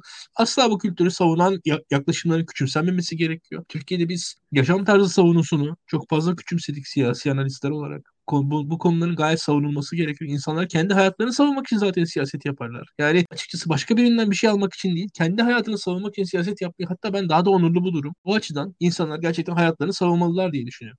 Yani evet bahar şenlikleri konusunda da çok güzel değindiniz. Büyük şehirlerde de festivaller, konserler her şekilde kısıttayız ama esas Anadolu şehirlerindeki üniversitelerdeki öğrenciler ve oradaki öğrencilerin bir şekilde müziğe ulaşması, bir şekilde festivale ulaşması için tek şansları olan bahar şenliklerini yapamıyorlar artık. Ve o öğrenciler o Anadolu şehirlerindeki üniversitelerde eğlencesiz, mutsuz hayatlarını yani, şekilde yaşamaya. O kadar kötü ki pandemiyi yaşadık düşün. Pandemi zamanında zaten bir yasakları bir absürt şekilde uyguladılar. Pandemi bitti arkasından bu yasaklama şeyi başladı. Yani aslında bu pandemiyle beraber düşünürsen 3-4 yıllık bir e, aralıktan baskıdan bahsediyoruz neredeyse. Çok korkunç bir şey. Tabii. Ya bu arada hadise dedik de ben hadiseyle Gülşen'i hep birbirine karıştırırım. hadise nasıl bir haksızlığa uğradı diye düşünüyorum. O boşanmıştı galiba değil mi? Ya hadise de boşandı o da böyle bir haksızlık biri. Özür dilerim, özür dilerim yani. Ben karıştırıyorum hep. O da kadın hakları olarak baskılanan ve sürekli eleştirilen diyelim o anlamlarda evet. şey ama dava açan Gülşen'de evet onu fark evet, ettim ben de ama siz düzelttiniz. Ya rejimiz bize kızacak arkadaki yayınlarda uzaktık diye ama 2022'yi de böyle son çeyreğinde konuşmadan kapatmayalım. Çok hızlı bir de son çeyrekte neler yaşadık. Bir de bugüne çok hızlıca gelmek istiyorum. Ekim'de Amasra'da hepimizin ciğerini yakan 41 canı yitirdiğimiz bir maden faciası. Yani Facia dışında hiçbir kelime kullanılamaz herhalde. Maden faciası yaşandı ne yazık ki. 29 Ekim'de TOG'lar seri üretime başladı. Bunu da çok uzunca yayınlarımızda da konuştuk. Aslında TOG'un üretilmesi, bakılması gereken şeyler, bunun sürdürülebilirliği ya da 10 yıllık planlarına bakılması gerekiyor gibi. 13 Kasım'da İstiklal Caddesi'nde tekrar bir patlama meydana geldi. Yıllardır unuttuğumuz fobilerimiz bize tekrar yüklendi mi korkusuyla yaşamıştık ama onu da aştık gibi duruyor en azından benim sosyal medyadan ya da çevremden takip edebildiğim kadarıyla. 23 Kasım'da Düzce'de deprem geldi. Hepimiz İstanbul depremini hatırladık ve ne kadarı İstanbul'un yerle bir olacak diye bir konuştuk ama bugün tekrar bunu unuttuk. Yarın deprem olsa hepimiz buna hazır mıyız? Hiçbir şekilde bilmiyorum. Aralık ayında Hiranur Vakfı skandalı yayının başında Enes'le konuşurken bir değinmiştik ama bunu yaşadık. Yaşandı demeyeyim ortaya çıktı Hiranur Vakfı'ndaki skandallar ve 14 Aralık'ta da Ekrem İmamoğlu'na siyasi yasak ve hapis cezası gelerek bu seneyi bitirmeye yaklaşmıştık ta ki bugüne kadar. Bugün tekrar bir kabine toplantısı sonrasında Erdoğan, Cumhurbaşkanı Erdoğan 21. kez gaz müjdesi verdi ve bu gazla beraber 1 trilyon doların ülkeye giriş yapacağını söyledi. Bir mekanizma anlattı ama benim anlamadığım bir mekanizmaydı. Ne zaman olacak, kim çıkardık, kim ne zaman çıkaracağız, kime vereceğiz, biz kullandık, satıyoruz falan bir müjdeleme geldi. Son çeyrek hakkında ne demek isterseniz topluca bir konuşmanızı, özetinizi almak istersen Burak Hocam buyurun. Ya kısaca e, son çeyrek hakikaten Türkiye'de işte altılı masanın sorgulandığı bir dönem oldu. E, benim için dönüm noktası Gürsel Tekin'in HDP'lilere bakanlık verebiliriz söylemiydi. Bu hakikaten kapalı kapılar ardında konuşulan birçok konuyu faş etti. Artık insanlar daha yüksek sesle konuşmaya başladılar. E, hemen ardından Kılıçdaroğlu'nun başörtüsü hamlesi geldi ve ittifak biraz çatırdadı açıkçası. Çünkü ittifakın içerisindeki birçok aktör yani öncelikle CHP tabanı ve İyi Parti Kılıçdaroğlu'nun kendisiyle müzakere etmeden yani tabanı temsil etmeden ve Millet İttifakı'ndaki ortağıyla konuşmadan bazı politikaları önerdiğini ve masa masadaki dört partiyle veyahut dışarıda HDP ile ayrı bir siyasi arayış içerisinde olduğunu düşündü. Bu muhalefeti hakikaten zora soktu ve bunun amacının da işte Kemal Bey'in adaylığı olduğunu, adaylığın dayatıldığını düşündüler. Yani bu hakikaten bir kriz ve halen daha onu yaşıyoruz. Bunu ilk söylediğim zaman çok kızıyorlardı ama inatla söyledim. Söylemeye devam ettikçe de herkes kabul ediyor. Türkiye öyle bir yer yani. İlkan daha iyi bilir. Hani ilk önce insanlar kızarlar ama geri adım atmayıp söylemeye devam edince bu sefer hani katılırlar. Onun üzerinden tartışmadan inatla sö- söylemeye devam ettik bunu. Hakikaten bir kriz var orada. Çözüle, çözüle, çözülmesi lazım yani. Çözmemiz gerekiyor ama çözülebilecek mi bilmiyorum. Ee, ya bu senin bahsettiğin başlıklar hakikaten yani bir tarafta maden faciası yaşanıyor. Bir tarafta tarikatlar küçük çocuklara tecavüz ediyorlar. Öte taraftan çok teknolojik bir araba yapıyorsun. Absürt bir şey yani. Hakikaten absürt bir şey yani. Bunları alt alta koyup okuduğunuz zaman absürtlüğü anlaşılıyor. Yani bir taraftan trilyon dolarlık gaz müjdesi, bir taraftan 6 yaşındaki çocuk tarikat şeyhiyle evlendiriliyor falan. E, bir taraftan madendeki işçilerinizin hayatını kurtaramıyorsunuz. Bir taraftan işte ultra lüks teknolojik bir araba yapıyorsunuz. Yani bu bizim gibi rejimlere has şeyler. Yani toplumun dikkatini çekebilecek seksi müjdeler vermek. Fakat toplumun reel, somut insani acılarını, dertlerini dindirememek yani. Tam olarak bize anlatan bir şey. Çok da iyi özetliyor. Terör saldırısı konusunda biz burada güzel bir yayın yaptık. Yani onu mutlaka arkadaşlar açıp izlesinler. Yani biz bu meselenin hani 2015'ten farklılaşan taraflarını söyledik. Tamam, söylediğimiz gibi de oldu yani. Orada başka bir sistem içi bir mevzu vardı. E, o kadar sistemli bir güvenlik üzerinden kurulan bir seçim stratejisi olduğunu düşün, düşünmüyorduk ki öyle oldu yani devamı gelmedi. Şimdilik bu kadar söyleyeyim bitireyim. Ya zaten onu da o yayınlarda konuşmuştuk ama burada tekrar konuşmamız gereken onu da unuttuk. Ne oldu olay, neden oldu? Dört farklı senaryo vardı siz burada bahsetmiştiniz. Hangi senaryo gerçek çıktı? Gerçekten ben takip edemedim. Kimse de açıklamadı. Gördüm. Öyle yani. Onu da gömdük. Maalesef yani Türkiye'de e, şöyle yani biz bize yansıtılan bir evreni izliyoruz. Medya bize ne yansıtırsa, gündeme ne gelirse. Bu sadece iktidarla da alakalı. Yani muhalefet medyası var, işte ne bileyim alternatif platformlar var yani onlar bir şeyi yakalayacak ve bize sunacak ki biz onu tartışalım. Yani maalesef konu güncelliğini yitirdi. Bir şekilde işlenmedi. Yani burada bir e, mesela teröristin PKK ile ilişkisi, PKK üzerinden HDP'ye yürüme meselesi falan. Mesela bunlar bunlar boşa çıktı baktığınız zaman. Çok ikna edici olmadı. Yani saldırının sahibi şu anda yok aslında saldırının bir sahibi olacak ki oradan bir grup bir şey çıkarsın. Yani saldırı, saldırı sahipsiz kaldığı için hiçbir grubun da dikkatini çekmiyor açıkçası.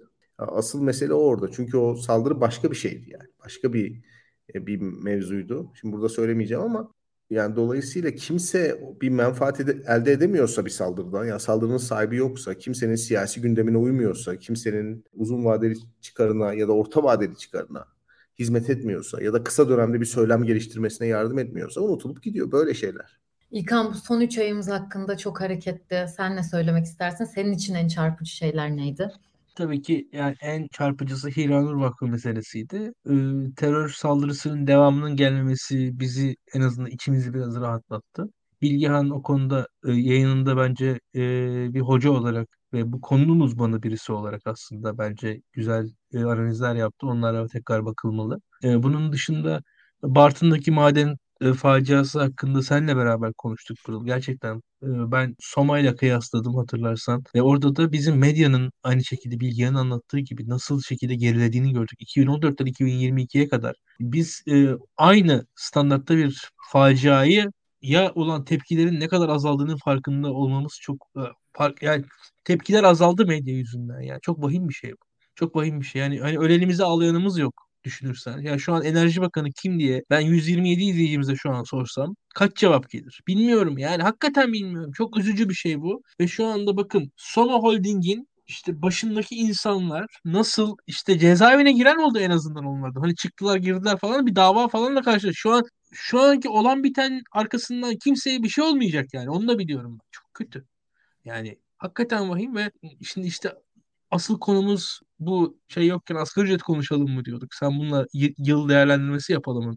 Çevirdin. Gerçekten hani işçilerin haklarını konuşmak gerekiyor Türkiye'de. Bu insanlar gerçekten de hani maden işçisi, işçiliği yapmak durumunda olan insanlar yapmak durumunda oldukları için maden işçisi oluyorlar Türkiye'de. Ve dünyada da böyledir yani. Maden işçisi olmak için hiç kimse e, hevesle maden işçisi olma hayalleriyle büyümez. Açık konuşalım. Bu insanın hakkını kurumların koruması gerek. Bu insanların hakkını kurumlar korumazsa bu insanların haklarını koruyabilecek bir noktada değillerdi. Çünkü hiç kimse yani insan berber olmak isteyebilir ama maden işçisi olmak isteyen bir insan olduğunu düşünmüyorum. Bu insanlar çünkü kurumlar koruması gerekiyor. Bu insanlar kendini koruyamadıkları için zaten maden işçisi oluyor bu insanlar. Böyle çok zevkle yerin dibine giriyor bu insanlar. Kendi neredeyse mezarlarını kazmış durumdalar ya düşünürseniz. Çok korkunç bir şey bu. Çok korkunç bir şey. Bu sahipsizlik vahim. Tüm ölümler kötü ama maden işçilerin ölümleri bu yüzden daha da kötü yani. Bu mezar kazma metaforuyla falan. Hakikaten daha kötü bir şey. Üzücü ve umarız sonudur. Yani ve devletin sahasında gerçekleşti bu. Bu da devletin açıkçası içeriden çürümesini gösteren örneklerinden bir tanesiydi. TOG meselesinde şunu söyleyeyim. Türkiye hep söylüyor Türkiye büyük bir ülke. Türkiye TOG gibi bir yapı yapılabilir. Türkiye'de yapılmasını yapılmalı mıdır? Yani hangi kaynak neresi için harcanmalıdır? Hani bu bunlar öncelik meseleleri ekonomi konusunda. Yani mesela Türkiye işte atıyorum 3. havalimanı yapabilir miydi? Yapabilirdi. Ama o, o kaynak oraya mı harcanmalıydı? Bu, bu, bu bir soru işaretidir. İstanbul'un açıkçası mesela bir Sabiha Gökçen'den Avcılar'a kadar giden neredeyse ekspres ve hızlı 120 km hızla giden bir metrosu mu olsaydı yoksa 3. havalimanı mı olsaydı mesela? Yani hangisini tercih ederdiniz? Böyle sorular sorulsa daha güzel olur. TOG evet güzel bir mesele ama aynı şekilde TOG'un yerine atıyorum başka bir yatırıma yönelseydik daha mı iyi olurdu? E şu da enteresan bir şey. Şunu da söylemem lazım. İç bir rahatsız eden bir şey. TOG aslında bir özel sektör yatırımı. Ciddi şekilde kamunun yönlendirdiği bir yatırım. Türkiye'de, Türkiye gibi ülkelerdeki otoriterleşen rejimlerin ellerindeki fırsatlardan bir tanesi. Türkiye demokratik olsa iktidar bu kadar rahat özel sektöre elde sopayla yatırım yaptırtamaz. Şimdi bu yüzden aslında şey gibi yani kurala uymuyor ama kuralı bozuyor, oyunu değiştiriyor bu bu tarz şeyler. Bununla yani biraz daha başka bir yayında konuşmak lazım. Belki bir ekonomistlerle falan. Yani çünkü şöyle bir şey var. TOG'un kendisi güzel oluyor ama bu ekonomiyi başka yerden bozuyor bu. Çünkü TOG'a yatırım yapan şirketlere başka yerden başka avantajlar sağlanıyor yani. O da açık net. O yüzden de ekonomiyi başka yerden bozuyor bu.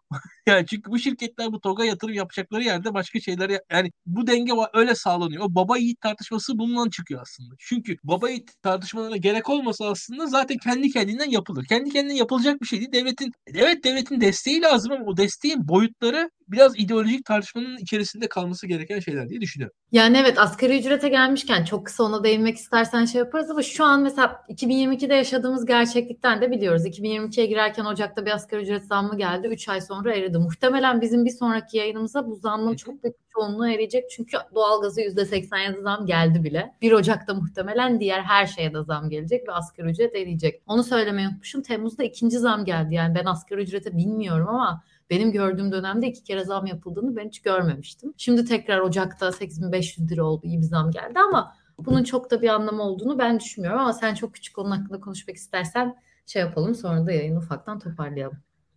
E, asgari ücret özellikle e, Anadolu taşrasında etkili olacaktır. O konuda bilgi analizleri doğru. Anadolu taşrasında asgari ücret ciddi anlamda insanları bir yerde tutabilir aileleri diye düşünüyorum. İstanbul, Ankara, İzmir gibi şehirlerde, Antalya gibi şehirlerde çok anlamı yok ne yazık ki. Şu kira ortamında bu asgari ücret artışının kurtarmayacaktır. En azından hani beni kurtarmıyor yani onu biliyorum çok net bir şekilde. Biz ciddi enflasyonist ortamın içerisindeyiz ve enflasyon baz etkisiyle düşse de fiyatlar artıyor zaten dendiği gibi. Ben ben bu düşüşün de çok kalıcı olacağına inanmayanlardanım açıkçası. E, şu anki kurun belli ölçüde tutulabildiği kadar tutulduğunu düşünüyorum. Bunun da bir noktada baskıya dayanabileceğine çok inanmıyorum. Bakalım beraber göreceğiz. Ben çok iyimser değilim ekonomi konusunda açıkçası. Hükümetin de yurt dışından getirdiği maddi imkanlarla bu ekonomiyi yani çok da tutamadığını düşünüyorum açıkçası. Yani bunun şu an ciddi anlamda bir saatli bomba var. E, kur korumalı mevduat dediğimiz hadise. Bu saatli bomba şu an duruyor ekonomimiz içerisinde. Bir kriz biriktirdi hükümetimiz. Yani kendi yaptıklarının ötesinde bir kriz daha biriktirmiş durumda bir hükümetle karşı karşıyayız aslında. Bunu iyi anlatmak lazım. Yani bu konuda Kemal Bey bir ara kur korumalı mevduata çok iyi yükleniyordu. Doğru bir siyaset yapıyordu. E, çünkü e, hükümet gelecek hükümete bir kriz yani miras bırakmamak zorunda yani. Bu bir ahlaksızlık bence. Bunun durdurulması gerekiyor. Ama bu sistemi yani şöyle bir durum var. Yani bir sonraki hükümet de mevcut hükümet gibi gidip böyle işte Rusya'ya taviz verip 3 milyar dolar oradan 5 milyar dolar buradan yapmak durumunda kalacak demek ki. Yani öyle bir Türkiye bırakacak neredeyse. Bunun durması için de KKM'nin bitmesi lazım. E, KKM'yi bitirmek, bitirmekse şu anda bir e, saatli bomba. Yani ciddi sıkıntılar içerisinde şu an Türkiye. Ve KKM'yi de bitirmeyecek hükümet o da belli oluyor. Yani herhangi bir şekilde bu KKM'den çıkış senaryosunu niye Tayyip Erdoğan ortaya çıkartmıyor, söylemiyor? Hangi senaryoda nasıl işte hangi vadede biz KKM'yi bitireceğiz? İla nihaya KKM ile beraber mi gidecek Türkiye? Gibi soruların Türkiye'de muhalefet tarafından yüksek sesle sorulması lazım. Biraz bu konuda Bilgehan'a da hakikaten ya böyle o kadar hak vermiyordum konuşurken daha çok hak verdim. Ya biz eskiden ekonomi konuşuyorduk. Bıraktık ekonomi konuşmayı. Yani hani biraz düşündükçe ben sinirlendim. Üzgünüm. Öyle ve ya şöyle bir şey var. Hani çok pratik bir şey söyleyeyim. Doları sabit tutmalarıyla beraber enflasyonun artışını engellemedikleri için dolar artık Türkiye'deki en ucuz mal baktığınız zaman yani en ucuz şey dolar ve bir yerden sonra dolar ucuz kalınca ithalata hmm. başlıyoruz. Yani bugün evet. hani e, mesela Avrupa'da bir ev 200 bin dolar ya da 200 bin euro. Türkiye'de de bir ev 200 bin euro. Yani hani baktığınız zaman hani o hem rekabetçiliği kaybediyorsunuz hem de e, hani insanlar yeniden yani yurt dışındaki malların daha ucuz olduğunu görüp oraya yönelebilirler. Yani 2 milyar dolar mesela Katar'dan geldi diyoruz. Yani bu 2 milyon kişinin 1000 dolarlık bir telefon almasına bakar bunun erimesi yani baktığınız zaman. Hani böyle bir şey. Öyle çok kolay dışarıdan getirdiğiniz parayla bunları tutamıyorsunuz maalesef. Yani hem faiz düşük kalsın hem doları sabit tutayım hem enflasyon böyle bir böyle bir şey yok yani. Böyle bir böyle bir rüya yok. Anlatabiliyor muyum? Ya bir yerde patlayacak. Bütün mesele bunu seçimden önce mi patlatacaklar? Seçimden sonra mı patlatacaklar? Yani hükümetin bütün gayreti seçimin sonrasına atmak. Yani hani hazır 5 yıllık yetkiyi aldıktan sonra bir 5 sene daha bu bu çocuklar çeksin yani. Hani önemli değil. Biz burada mızmızlanırız. Böyle Peki şey. son olarak sizden 2022 nasıl bir yıldı? 2023 için ne kadar umutlusunuz şahsi olarak ya da ne kadar ülkece mutlu olmalıyız? Bir 2022 belki bir cümle belki bir kelime özetleyebilirseniz onu da duymak isterim son olarak sizden. Benim için zor bir yıldı. zor, zor bir yıldı ya. Hakikaten çok zorlandık. Yani çocuklar çok zorlanıyorum zaten büyütürken. Yani Melike de öyle, ben de öyle.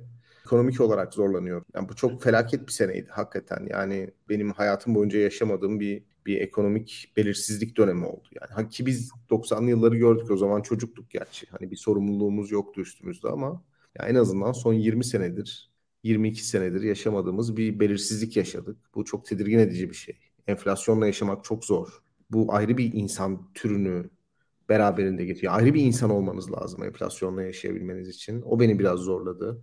Ee, işte bu altılı masa meseleleri orada tabii biraz aykırı bir duruş sergiledim. Orada insanlar kızıyorlar, ediyorlar, hakaret ediyorlar. Onlardan çok hoşlanmıyorum. Yani 2022 çok hakaret yediğim bir yıl oldu benim. Hani hakikaten bir fikir öne sürdüğünüz zaman karşılığında bir başka bir fikir bekliyorsunuz değil mi? Yani insanlar yaftalayarak karşılık veriyorlar. Çok sığ yani hakikaten çok sığ. Bunlar canımı sıkıyor. Bu son art, arttı yani onun için söylüyorum. O bakımdan 2022 böyle bir sene oldu yani. İktisadi sıkıntılarla, çocuklarla bir yandan işte üniversitede biraz yoğun geçti. Hiç ara vermeden ders verdim.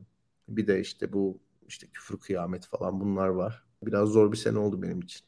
Yani zordu. Bence ülkece hepimiz için de zor bir sene olduğunu söyleyebiliriz. 2021'den çok daha zordu hepimiz için. 2023 umarım bu kadar zor geçmez hiçbirimiz için diyelim. İlkan sen nasıl özetlersin 2022'yi hem kendin için hem ülke için?